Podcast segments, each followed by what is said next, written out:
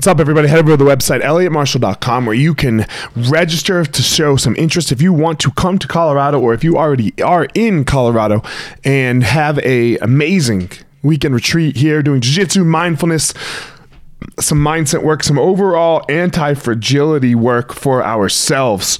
Um, head over to the website elliottmarshall.com register for interest all just interest no commitment just interest and i will be sending you some more information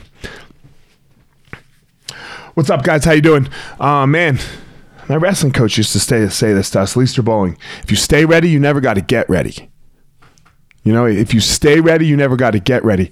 And a lot of times, and it's just so true in so many aspects of our life, right? Not just in this this area of sport.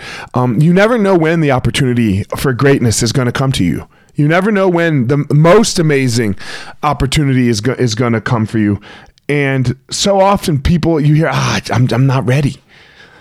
So get fucking ready. Be ready. Be ready all the time. When, when are you not ready for amazingness? To, please tell me how that even happens. The problem is, is you don't is we don't know, and we're not even sure what amazingness looks like. So get ready for it. How do you get ready for it? You throw curveballs. Like how do sports teams get ready for it? Right? Um, you know, I was, I was reading the Daily Stoic this morning, and they were talking about like a pitcher going into the ninth inning with a no hitter, and then all of a sudden you get thunder and lightning, uh, and he's so upset because oh man, he only had three more outs. How, how do you practice interruption? Is the question. It's a good question.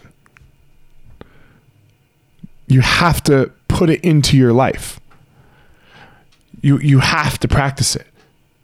Uh, the easiest way is just with the breath, from my perspective, um, because your breath gets interrupted by thought all the time. You when you're meditating, for example. Um, boom, interruption. Get yourself back. Boom, right? And just the practice of being interrupted when you are doing a task and then forcing yourself to come back in, it's an amazing practice because it teaches you how to switch on a dime. Get do some do do a sport that's difficult. Okay, even if it's just lifting weights, even if it's even if whatever it is, do something difficult because you're gonna have good and bad days. You're gonna you're gonna be in the middle of a set and not feel it, and then uh, not feel like doing it anymore. And then you're gonna have to, and you're gonna have to force that upon yourself. So let's fucking go. The phone's gonna ring. It's gonna rain. It's gonna whatever. You're gonna be out for a run. It's raining. All nothing, not ideal situations when you're in the middle of doing something.